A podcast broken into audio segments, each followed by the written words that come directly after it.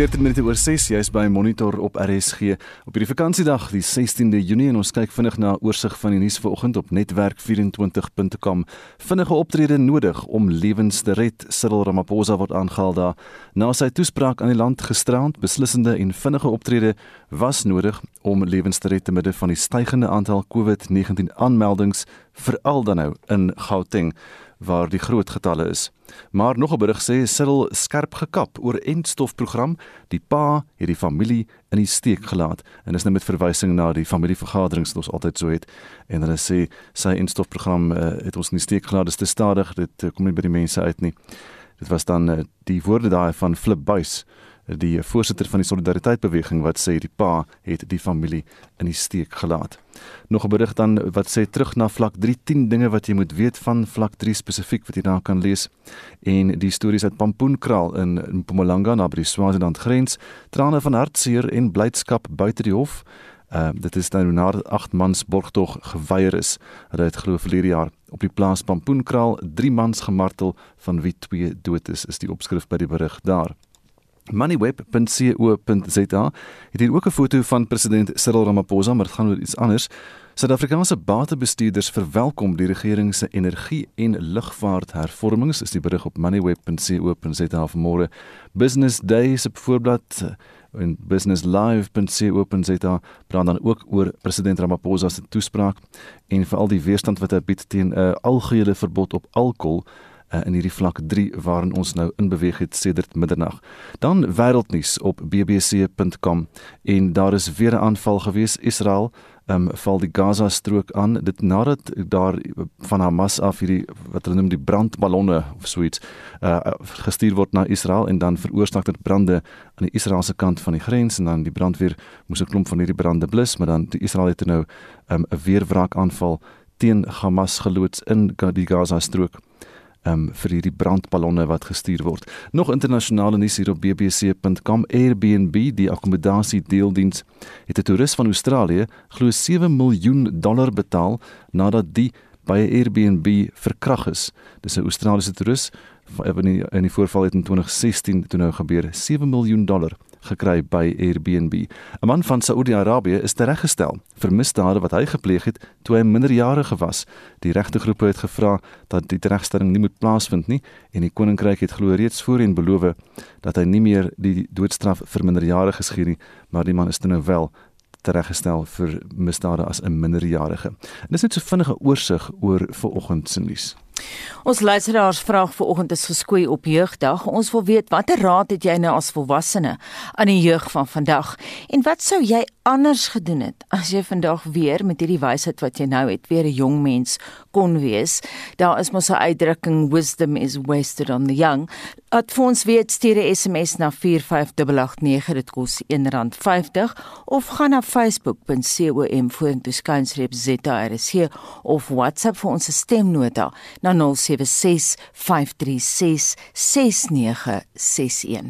Dit is nou 18 minute oor 6. Jy's by Monitor op RSG. Nou, eh, vandag word jeugdag gevier op die Kaapse vlakte waar baie armoede heers. Probeer die aktivis teen misdaad en geweld, dis nou Rukchana Pasco, die lewe hier verbeter. 16 Junie 1976 word vandag op die Kaapse vlakte ook dan nou gevier om die jeug in te lig oor die geskiedenis vandag is een van die beste dae wat kon ooit gebeur het. Ons het hier van ons oud lede destyds uit die ou omgewing, Ellen Busak, Neil de Beer en hulle gaan ons jeug van vandag wat in die 2000s gebore is, hulle gaan vir hulle toespreek oor hoe was hulle tyd in die 1970s en 80s tot apartheid geval het en ons jeug gaan hulle sê wat is vandag verkeerd en wat hulle van hou van destyds en wat nie.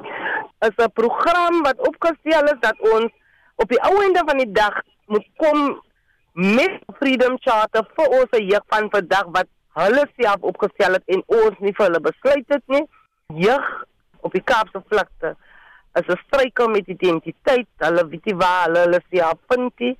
Hulle speel nie 'n rol in wat gebeur in die onderwys nie ons het gehad feesmas vol. Dit was probleme en die rasse 'n moeilikheid wat nou opkom tussen die skole en so aan en dit is dinge wat eintlik die jeug van vandag kan alleenlik daaroor praat want hulle is nog op die skole ons kan nie vir hulle praat en ons wil hoor van hulle. Wat is dit wat ons kan doen om dit beter te maak vir hulle? Wat dink jy is hulle grootste probleme? Die die regte woordie. Ek is die halve ma met jong kinders. Die kinders het die, die daar's 'n lusteloosheid en niks hoop wat in hulle plaas. As hulle gekry het 'n nie antwoord, dan gaan hulle nie weer opstaan nie. En ons wil dit verander. Ons wil vir hulle sê ja, alles gaan nie altyd sonskyn en rose is nie, maar gesamentlik kan ons 'n verandering maak vir julle. Werkloosheid is 'n groot probleem vir ons jeug. Baie van ons jeug vra, "Waarvoor maak ek matriek klaar? Vir wat gaan ek studeer as daar nie eers 'n werk is vir my as ek klaar is nie?" Maar ek sê en ek ek is baie passief oor. Jy kan 'n werk hê as hoe jy jou gedagte gaan daarop plaas. Sê altyd wat ek vir 'n baas moet weet, want tog is ons almal geseën met 'n soorte van geskenk wat ons nie gebore is. Gebruik dit tot jou voordeel en ook om ander mense vorentoe te vat. Dis die stem daarvan Ruchana Pesco, sy is 'n aktivis teen misdaad en geweld op die Kaapse vlakte. Nou ons bly by jeugdag en eh, Mitsi van der Merwe het ook met uh, Michael Leroux van Brackenfell buite Kaapstad gepraat. Hy is 'n lid van die Break the Divide veldtog wat probeer om beter samewerking tussen rassegroepe te bewerkstellig. Dit is 'n verskriklike hartseer uh, scenario wat plaasgevind het as gevolg van omstandighede en mense wat onderdruk is in 'n situasie waar hulle geen ander opsie gehad het as om hulle self uit te beeld op verskillende maniere nie. En ek dink dit is 'n verskriklike tragedie wat gebeur het, maar op dieselfde asem was dit ook iets wat ons 'n bietjie laat dink het en wakker gemaak het en laat besef het dat daar is baie probleme wat onder die mat ingevee is wat ons nooit regtig eers aangespreek het of goed soos dit nie. Hoewel 'n derde van die land se arbeidsmag werkloos is, is 3 uit elke 4 jeugdiges sonder werk. Ons moet werk skep deur om die jeug die geleentheid te kan gee om hulle self uit te kan leef en op dieselfde asem 'n platform te skep op die internasionale mark. En om dit te kan doen, moet daar sekuriteit in Suid-Afrika wees. Daar moet elektrisiteit wees, daar moet geen korrupsie wees, daar moet loyaliteit wees, daar moet vertroue wees in die Suid-Afrikaanse mark. En om dit te kan bou, kan ons net dit doen as ons almal saamwerk. Dit gaan nie oor segregasie of om mense, hoe kan mens sê, in verskillende kompartemente te sit en te sê luister hierso, ons bevoordeel daai groep of daai groep nie, maar in dieselfde asem moet daar 'n template gelê word wat ons saam kan werk. Norma Mbayu, 'n organiseerder vir die Right to Know, nuwensgewende organisasie in die Wes-Kaap, benadruk dat werkloosheid die jeug na drank en dwelms dryf. drug abuse because people are unemployed, people are hungry, people are struggling. They sometimes resort to being involved in drugs and with the gangs, which is the most popular thing in the Western Cape. So, what do you guys suggest as solutions? The solution for the youth is actually for youth to be informed and the youth to be trained in a sense that they would be able to sustain themselves. Dis hier waar 'n vaardigheid kan help. If you cannot get a job, if you have a skill training, you're able to open your own business or you're able to sustain yourself without even having to be uh, employed. And you know, also if you are youth and you've got a source of income, it's not easy for you to be influenced by someone else to join the, a gang group or to be using drugs or anything because you actually have something to go home to. Baie glo die regering kan meer doen. Well, our government has has failed the youth. I can say that. Even now, if you look at the rate of unemployment, which was proved by the 350 grants that came as social relief for the grants, a huge number of youth is unemployed. And our government, even if, if they are trying, they're not doing enough. They need to be more involved. They need to go to these communities. They need to give back to the community. They need to make sure that there are youth programs that are created that are accessible to the youth in our communities. Norma Mbayu is van the Right to Know nuwensgewende organisasie in die Wes-Kaap. Die geskiedenis van die gebeure op 16 Junie 1976 het 'n lang aanloop. Nadat Afrikaans in 1974 saam met Engels as onderrigtaal ingestel is, het swart studente begin mobiliseer. Volgens die webruimte History South Africa het tussen sowat 3000 en 10000 studente 55 jaar gelede vreedsaam opgeruk na die Orlando Stadion in Soweto. Op pad daarheen het hulle hulle vasgeloop in 'n gewapende polisiemag. Die 15-jarige Hastings Ndlovu en 12-jarige Hector Petersen is eerste doodgeskiet deur die veiligheidsmagte. Die amptelike sterftesyfer was 23. Die verset het landwyd versprei en was 'n keerpunt in die Suid-Afrikaanse geskiedenis. Mitsi van der Merwe SAK-nuus. Vandag 55 jaar gelede het die swart jeug betoog teen Afrikaans as voertaal. Vandag word die jeug se akademiese opleiding deur die COVID-19 pandemie bedreig. En ons praat nou daaroor met die uitvoerende hoof van die aanlyn skool Breinlyn, Colleen Kronje. Goeiemôre. Goeiemôre Anita en Gustaf. Kom ons kyk na die grootste probleme wat die jeug vandag uh, wat hulle opvoeding vernuik. Wat sou jy sê is dit? Ek dink dit is sekerlik bronne en toegang tot bronne. En as ek nou praat in die COVID omgewing waarin ons self bevind, is dit seker aanlyn bronne.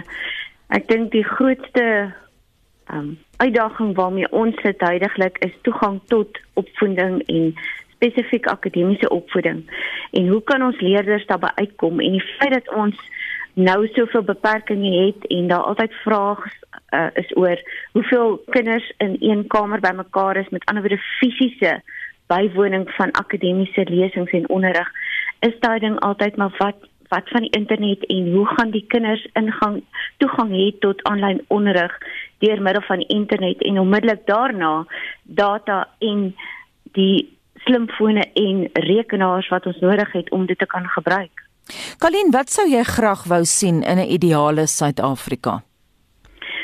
Miskien dat die regering en mense wat daarbey betrokke is, sal besef dat die klaskamers soos wat ons hom ken, die tradisionele klaskamer van vier mure en iemand wat voor staan met 'n stukkie wit kruit in die hand, is iets wat nie meer in ons bestaan en ons tyd 'n geldige omgewing is nie. Ons moet 'n situasie skep waar ons soemloos kan beweeg tussen die tradisionele klaskamer en aanlyn onderrig sodat die kinders uiteindelik nie te nagekom word in situasies waar hulle nie in 'n klaskamer kan toegang hê nie. Nou ons het vroeër met jou gepraat daaroor maar vir luisteraars wat daai onderhoud gemis het, die departement van basiese onderwys het nou die matriekeksamen in middel van jaar geskraap. Die gevolge daarvan volgens jou? Dit gaan maar oor 'n atleet. Kom ek vir gebruik die vergelyking van 'n atleet wat oefen. Atleet wat oefen vir die 100 meter, elke dag is daar ietsie wat ek moet doen wat my liggaam in staat stel om uiteindelik wanneer ek in die wegspringblokke staan, my gereed maak om die beste te kan doen wat ek moontlik kan doen.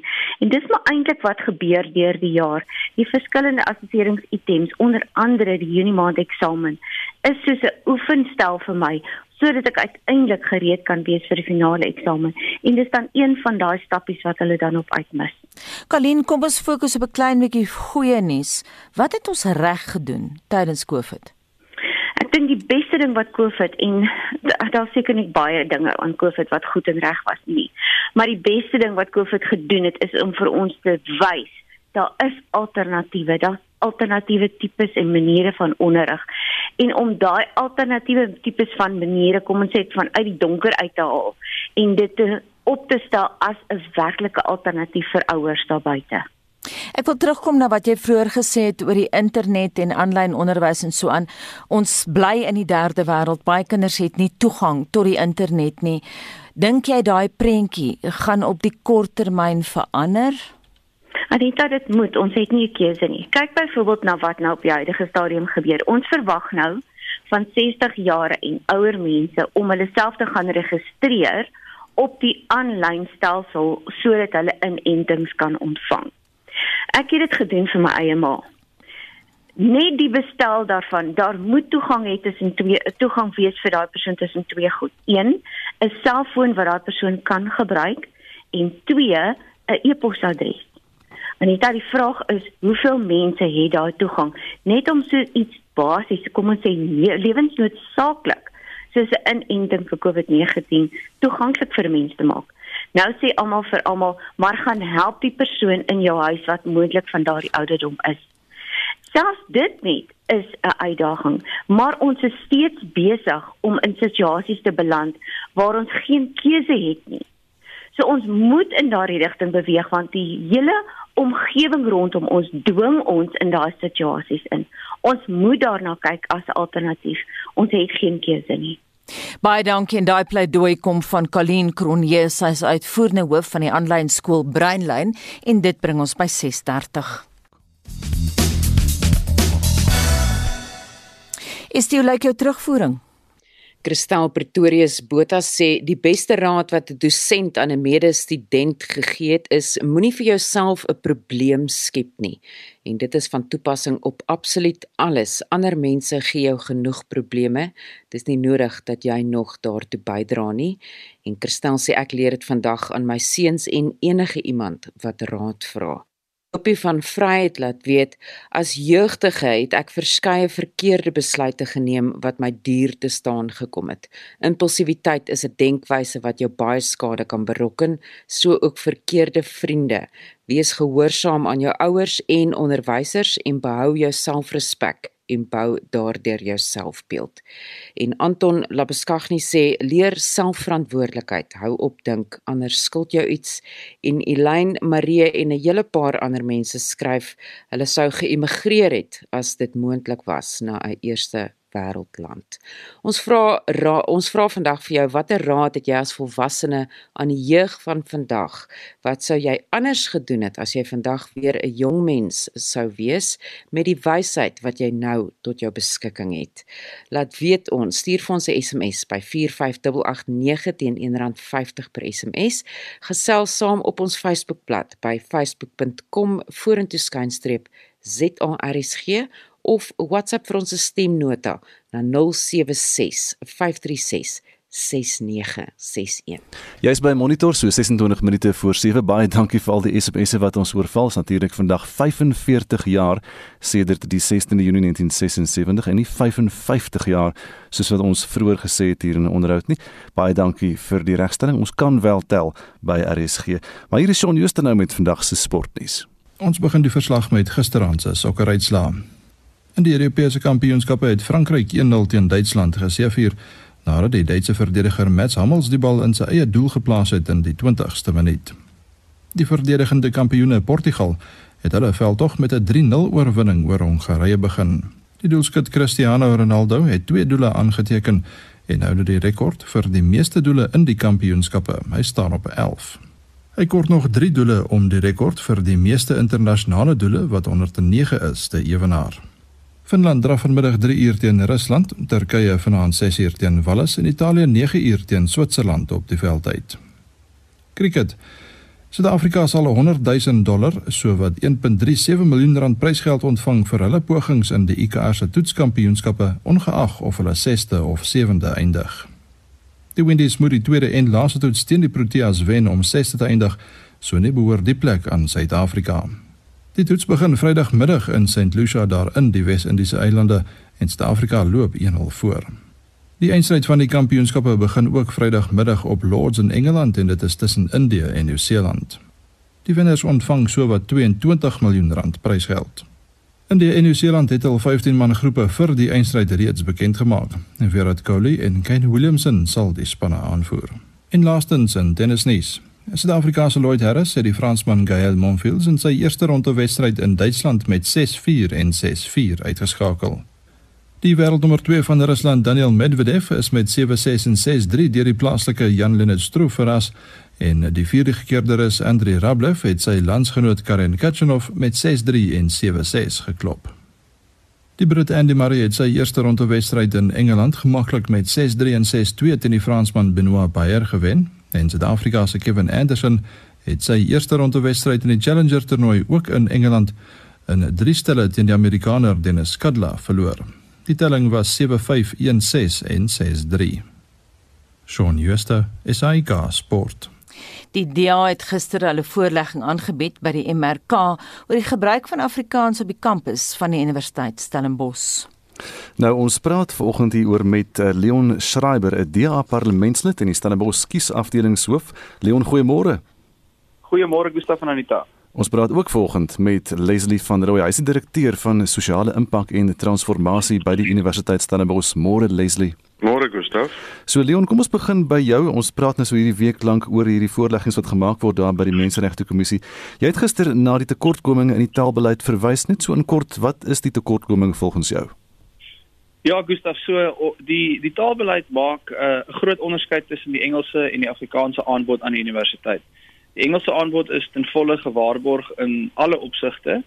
Uh dit sluit in in die klaskamers maar ook in in leefareas soos koshuise waar ons natuurlik nou die onlangse verbod op Afrikaans gesien het.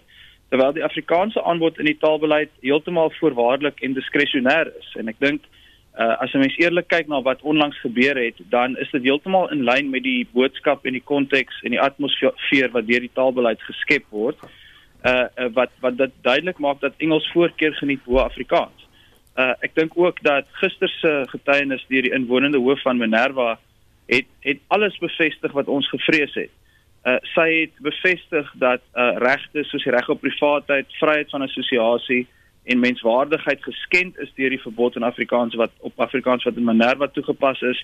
Sy het ook erken dat HK HK lid ehm um, gesê het dat uh, die die die inwoners van Dagbreek nie welkom sou wees as hulle liedjies in Afrikaans sou sing nie en daar was ook getuienis van huis Fransie van Sail by die Tygerberg kampus dat Afrika Afrikaans verbied is op WhatsApp groepe. So hierdie is presies die redes waarom die DA aanvanklik hierdie klagte gelê het en ek dink die die nare waarheid is nou besig om uit te kom. Kom ons gee vir Leslie ook 'n kans. Leslie, wat is jou reaksie daarop? Ja, ek dink ons het herhaaldelik al gesê deur interne ondersoeke en ook deur die Deloitte ondersoek dat daar inderdaad geen verbod op Afrikaans was nie. Ek en Leon was gister by die geleentheid. Daar was dit weer en weer bevestig dat meertaligheid soos vervat in die beleid uitgeleef word. Uh dat studente en studente leiers ook kollegas uit die kursusomgewing bevestig dat Engels gebruik word waar daar op amptelike maniere gekommunikeer word, maar dit studente toegelaat word het sy deur tolking uh, vertaling en op ander maniere om hulle privaatheid Afrikaans te kan uitleef en gebruik en daar legio voorbeelde gister daarvan was. Waar daar misverstande was of waar iets gebeur het waar iemand verontref of verontwaardig gevoel het, was dit onmiddellik reggestel. Ons het dit gehoor in die konteks van Huis Fransie gister.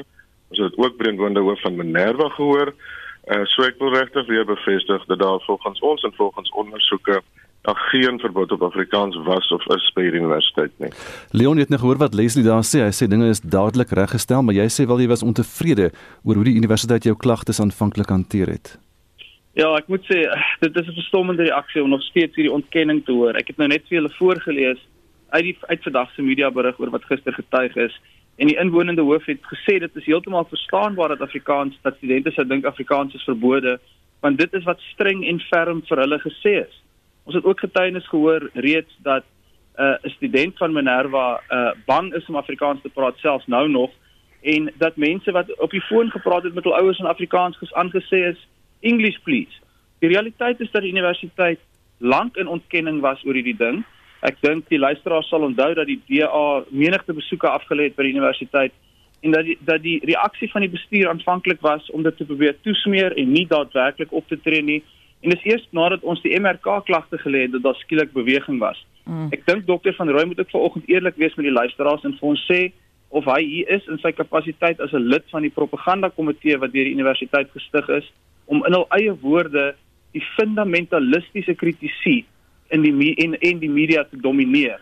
Dit is die reaksie wat die universiteit vir 'n lang tyd gehandhaaf het in plaas daarvan om hierdie uh, skreiende verbod en ondermyning van die regte van Afrikaanssprekende studente reg te stel en ek dink dit is tyd dat mense verdien om om oop kaarte te hoor van van die universiteit se kant af. Leslie.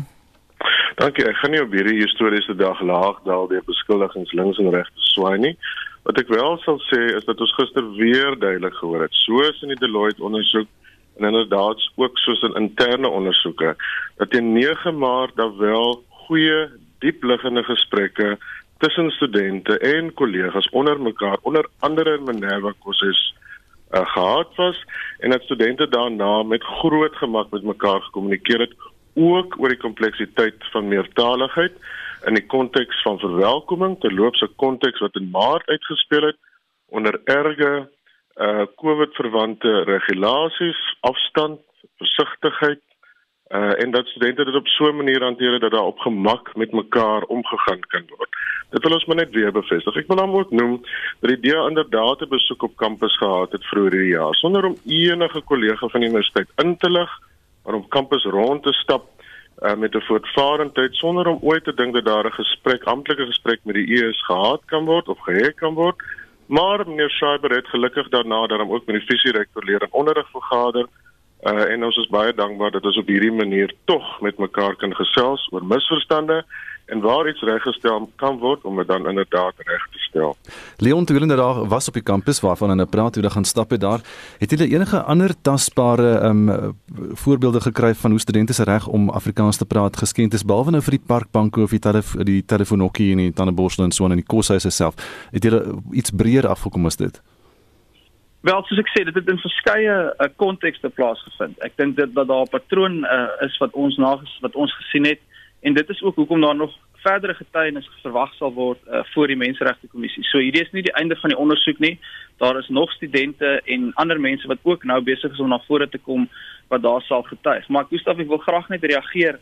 Ek dink wat uh, wat dokter van Rooi vanoggend doen is is absoluut tekenend van hoe die universiteit tot dusver gereageer het. In die eerste plek is daar ontkennings nog steeds oor hoe ernstig uh, hierdie verbod is alhoewel ons gister uh, uit die uit die mond van een van die inwonende hoofde gehoor het dat dit wel gebeur het en ons hoor ook die verwysing daarna op hierdie historiese dag. Nou uh dit vat nou nie 'n rocket scientist om die afleiding te maak uh dat die universiteit weer eens daar besig is om bekommernisse oor die stand en posisie van Afrikaans af te maak as een of ander smagting na die verlede of een of ander verregse 'n uh, komplot nie. So ek is baie bly dat dokter van Rooi vanoggend hier voor al die luisteraars weer eens bevestig het dat die universiteit uh, dit nie kan help om die die eise en die aansprake op die grondwetlike regte van Afrikaanssprekendes maar elke keer te probeer afmaak as een of ander vieslike hinkering na die verlede nie. Dit is oneerlik en dit is die rede hoekom ons sit met 'n menseregte kommissie ondersoek en 'n bestuur by universiteit wat die regte van Afrikaanssprekendes minag by elke geleentheid wat hulle kry. Kom ons gee vir Leslie 'n kans. Leslie, hoekom is daar so baie misverstande oor hierdie saak? Dit is baie eenvoudig. Ons leef in 'n land waar daar baie tale gepraat word en waar ons die geleentheid moet kry om mekaar te kan verstaan. En dit beteken dat ons soms in ons tweede en ons derde taal moet praat om mekaar op 'n gemakliker manier te kan hoor en te kan verstaan. Dit is presies wat ons in die konteks van kursusse wil doen. Ons wil graag hê dat studente in verskeie tale en met mekaar kan omgaan en mekaar kan verstaan juis om misverstande in die weg te ruim. En waar ons die geleentheid bied dat ons by mekaar kan leer. Dit help ons om om seker te maak dat studente by hierdie universiteit ervaring het waar meertaligheid jou juis kan help om te verstaan dat daar in Suid-Afrika baie ander kontekste is dat jy jou konteks moet laat geld dat jy jou identiteit kan uitleef maar dat dit altyd in verhouding is met ander kontekste, ander ervarings en ander mense. En ons weet dit is ongemaklik soms om in 'n tweede en 'n derde taal te praat en ons weet binne 'n meertalige konteks kan dinge verkeerd uitspeel of kan dinge op so 'n manier uitspeel dat jy verontreg voel en ons weet dat ons dit moet hanteer. Dit is beslis en presies wat gebeur het in die konteks veral van Minerva en dit is die getuienis wat ons juis gister gehoor het en is nou oor aan die kommissie om te bepaal inderdaad hoe dit uitgespeel het of dit reg uitgespeel het en of daar op ander maniere daaroor gedink kan word. Ons verwag van ons studente leiers inderdaad om deur opleidingsgeleenthede en op ander maniere hierdie kompleksiteit te kan uitleef. Binne 'n konteks waar ons weet ons is Suid-Afrikaners daagliks daarmee sukkel en dit op, op daagliks nuwe maniere moet vind uh, om op hierdie komplekse manier met mekaar te kan omgaan, mekaar te kan verstaan en inderdaad iets van mekaar se storie te kan verstaan. Daar is beslis nie 'n geval dat daar ook oor 'n opmerking oor jeugdag teruggegryp moet word na die verlede of dat daar 'n verstaan is van ver regsheid in 'n gesprek nie. Inteendeel, daar is 'n verwysing na iets wat ons verstaan as Suid-Afrikaners wat uiters kompleks is en 'n versigtiging dat ons mekaar maar weer en weer moet help om verstaan te kan word, om gehoor te kan word en inderdaad ook te kan verstaan wat die wonderlike aard en geskiedenis van Afrikaans ons moedertaal is en hoe ons dit op so 'n manier kan uitleef dat ons mekaar kan insluit, mekaar kan verstaan en mekaar kan toelaat om ook binne ander taalgemeenskappe mekaar te hoor met te verstaan dat daar onder kompleksiteit en in groepe wat daar verskeie huistale is tog by geleenthede veral as ons behoorlik wil kommunikeer 'n taal soms ons tweede of derde taal sal moet gebruik sodat ons juis mekaar kan hoor. En dit beteken nie dat foute nie insleep of dat ons daarmee met groot gemak omgaan beide as studente aan universiteit en as Suid-Afrikaners nie, maar dit beteken wel dat ons soos in die geval van hierdie kursusse maar weer terug moet gaan, mekaar in die oë moet kyk bepaal hoe ons te werk moet gaan, waar ons mekaar te nagekom word, hoekom ons dit beleef, wat ons geleefde ervaring is en hoe dit verskil en hoe ons maniere kan vind om binne ons diversiteit en rykheid mekaar te kan uitleef en mekaar te kan verstaan, mekaar te kan hoor en dit is wat ons hoop voortaan nog meer kan gebeur aan hierdie universiteit met samewerking van verskeie eksterne rolspelers soos wat ons dit tans doen en binne die konteks van 'n taalbeleid wat juis meertaligheid bevestig. Leslie, ek wil net vinnig vir jou vra daar terwyl jy praat oor die moontlike foute wat gemaak is. Hoe kry 'n mens dit reg as jy nou die universiteit is om so 'n taalbeleid toe te pas? Het jy 'n toepassingsmeganismes daar? Het jy mense wat die vaardighede het om seker te maak taalbeleide word wel toegepas en uitgevoer soos wat dit op die papier staan? So daar's baie maniere wat ons dit doen en daar's verskeie verskeie vlakke waar die taalbeleid uitspeel. Dit is natuurlik in die eerste plek in die konteks van die klaskamer en daar word bepaal wat die aard van modules is, hoe modules uh, of in 'n taal aangebied word of in twee tale of vertolk word, of tolking gebruik word of waar daar vertalings beskikbaar gestel moet word en dit word per semester gemeet en daar's natuurlik jaarliks 'n verslag daaroor hoe dit uitspeel. Dan is daar kommunikasietaal en hoe ons met mekaar in in kommunikasie omgaan, byvoorbeeld briewe van universiteit en hoe dit moet uitspeel. En dit word natuurlik gemeet aan die hand van wat ons uitstuur en die tale wat dit uitgestuur word. Uh, en dan is natuurlik omgangstaal waar ons in 'n sosiale konteks uh, met mekaar kan omgaan en praat en daar verwag ons veral van studente uh, om iets te verstaan van wat die aard van 'n koshuisgemeenskap byvoorbeeld is, wie in daai koshuisgemeenskap is, hoe ons mekaar kan hoor en hoe ons kan uitspel en dit word gemonitor. Ons het paar maande terug weer die monitorsverslag ontvang wat ook aandui juis totaal uitgespeel het binne die verwelkomingsperiode in elke gemeenskap.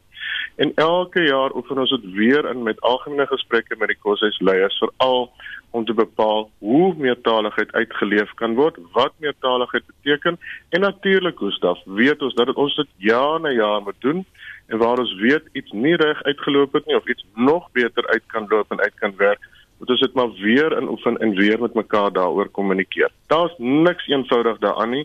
Inteendeel, dit is kompleks. Ons verstaan dit as Suid-Afrikaners en ons verstaan ook dat ons nog meer moeite moet doen om iets van die mooiheid, van die egtheid, van die warmheid uh, van ons huistale te kan laat geld en dat dit beteken dat ons soms op ander maniere na mekaar moet luister ook oor ons storie en dat dit tog beteken dat as ons mekaar wil verstaan vir al 'n groot groot groep honderde studente verskeie huistale verskillende nasionaliteite dat daar tog soms 'n algemene taal moet wees om ons te help om te verstaan maar dat dit nooit kan beteken dat daar iets soos 'n verbod op huistaal en huiservaring moet wees nie en inderdaad dat waar verhoudinge geskaad word, dit weer en weer reggestel sou moet mm. word juis om dit te laat geld. Lesie, kom ons gee vir Leon nou net weer 'n kans.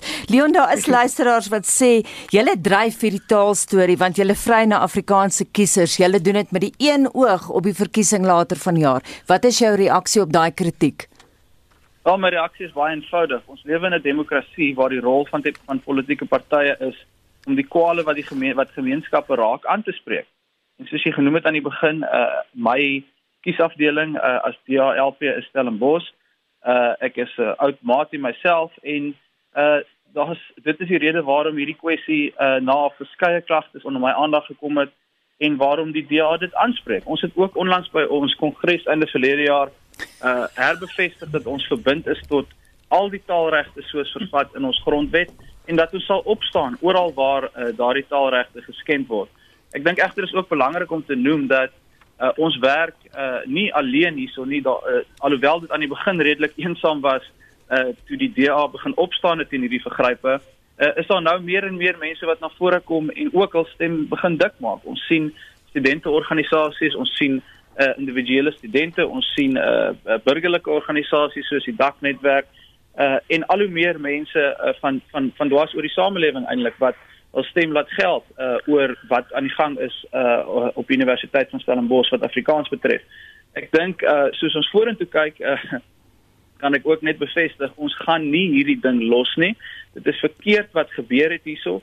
Dit is verkeerd dat die taalbeleid uh, hierdie omgewing moontlik gemaak het, hierdie situasie geskep het omdat dit uh, aan Afrikaans 'n mindere plek gee op die Universiteit van Stellenbosch en ek dink baie van die woorde wat dokter van Rooi nou gepraat het uh, in in sekere opsigte betekenisloos is wanneer ons by die praktyk kom. En die universiteit gaan nie vir lank meer uh, kan praat asof die realiteit en die werklikheid nie bestaan nie. Ons ondersteun die menseregte kommissie se ondersoek en ons hoop dat hulle vinnig uh, tot gevolgtrekking sal kom.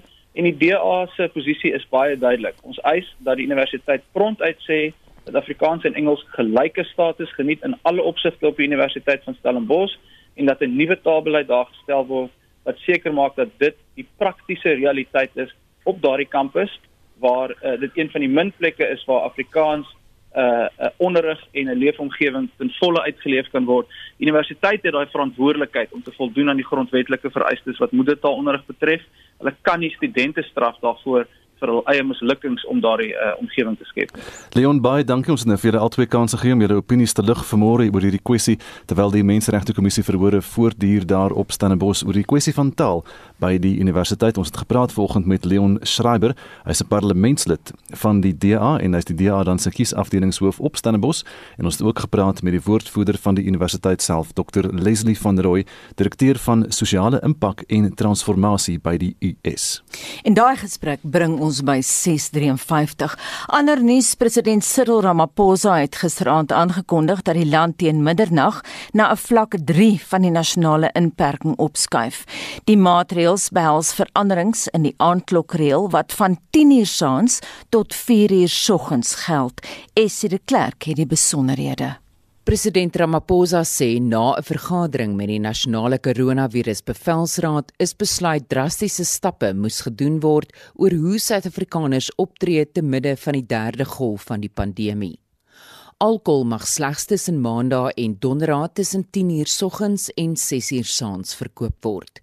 Drankverkope by restaurante en kroë word beperk tot 9:00 saans wanneer restaurante en kroë ook moet sluit, sê Ramaphosa. In view of the rising infections, the Cabinet has therefore decided to move the country to alert level 3. This means that the hours of curfew will start at 10 p.m. and end at 4 a.m.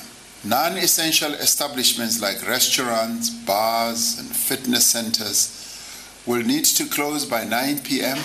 All gatherings will be limited to a maximum of 50 people indoors and 100 people outdoors. Die president het ook beperkings geplaas op die aantal mense wat binneshuis en in die oop lug mag vergader. All gatherings will be limited to a maximum of 50 people indoors and 100 people outdoors. Where the venue is too small to accommodate these numbers with appropriate social distancing, then no more than 50% of the capacity of the venue may be used. This includes religious services, political events, and social gatherings, as well as restaurants, bars, taverns, and similar places. President Ramaphosa het kommer uitgespreek oor die tempo waarteen die virus in talle dele van die land versprei, veral in Gauteng waar 2/3 nuwe infeksies voorkom. Hy sê daar is vele uitdagings in die inentingsuitrolprogram. We know that as difficult as the last 15 months have been, we have started to recover and to rebuild. Although it has encountered several setbacks, our mass vaccination program is gaining momentum and we are finally on the path of controlling the disease. But although we have reason to hope we still have a mountain to climb. A third wave of infections is upon us. Die president het gesê die jeugdagvieringe wat vandag in KwaZulu-Natal sou plaasvind, sal nou virtueel gedoen word. Die verslag is saamgestel deur Abongile Dumaku in Johannesburg en ek is Estie de Klerk vir SAK nuus. En bly ingeskakel want ons praat om 08:30 met 'n mediese kenner oor die jongste inperkings. En net voor ons by 7:00 vanoggend kom nuus uit die buurland nou. Verskerpte COVID-19 maatreëls is ook gisterand op sosiale media platforms en op nasionale televisie in Namibië deur president Hage Geingob aangekondig. Ons medewerker daar in Namibië op Swakopmund, Frikkie Wallis, berig dat dit volg op skerp toenames die afgelope weke in positiewe gevalle ook in Namibië. Daar's oorvol hospitale en vrese vir dreigende tekorte aan suurstof in die land. Meer as 1200 nuwe COVID-gevalle is die afgelope 24 uur in Namibië aangeteken met 32 sterftes wat die totaal nou tot 1040 laat toeneem het. Kommer oor COVID by skole, gevalle wat onder leerders en onderwysers voorgekom het en verskeie skole wat reeds gesluit is, het die strenger nuwe maatreëls genootsaak. Dit geld van vanaand middernag af vir minstens 2 weke lank tot 30 Junie. This adjustment to the measures goes hand in hand with the mobilization of additional resources to bolster testing capacity, creating additional space for treatment for those who are ill, improving the provision of much needed oxygen, and recruiting additional healthcare workers. Die inperkingsmaatreëls geld nou weer vir die plaaslike owerheid van Windhoek wat as die COVID brandpunt bestempel word met meer as 50% van nuwe gevalle wat daar aangeteken is. Die aangrensende owerhede van Okahanja en Riobot word ook by inperkings ingesluit. Slegs noodvoertuie, voertuie met permitte en noodsaaklike diensverskaffers na en van ander distrikte in die land sal toegelaat word. Inwoners sal ook toegelaat word om na hulle huise in die gebiede terug te keer. Die landwyse klokreël bly van krag tussen 10:00 saans en 4:00 soggens en klasonderrig by skole en hoër onderwysinstellings in Windhoek, Okahanja en Riobot word van môre af tot 30 Junie opgeskort. In die res van die land sal die minister van onderwys, kuns en kultuur vandag 'n wintervakansie aankondig, behalwe vir grade 10 tot 12 wat moet voorberei vir die eindeksamens. Alkoholverkope by kroë en shebeens word beperk tot slegs wegneem verbruik, terwyl alkohol slegs op die persele van restaurante, gastehuise, hotelle en soortgelyke instellings gebruik mag word tussen 9:00 s oggends en 6 uur saans. Dubbelplekke en nagklubs word nou ook weer as hoë risikogebiede beskou en mag nie sake doen nie. Kontaksport word verbied en geen toeskouers word by sportbyeenkomste toegelaat nie. Laastens mag openbare vervoer slegs die helfte van passasiers oplaai terwyl begrafnisse binne 7 dae na afsterwe moet plaasvind. Ek is Frikkie Wallis vir Monitor op Swakopmund. Belangrike beraad vandag in Genève tussen twee belangrike presidente Biden en Putin. Maar mense wonder wat gaan gebeur want eh, Biden sê Putin is 'n moordenaar sonder 'n siel. Hy sal die prys betaal vir Moskou se inmenging. Putin sê Rusland is eenvoudig moreel verhewe bo die weste. So binne daai atmosfeer vind hierdie beraad plaas. Bly ingeskakel vir wat monitor en die kenners daarvan verwag. En dit bring ons by 7 uur.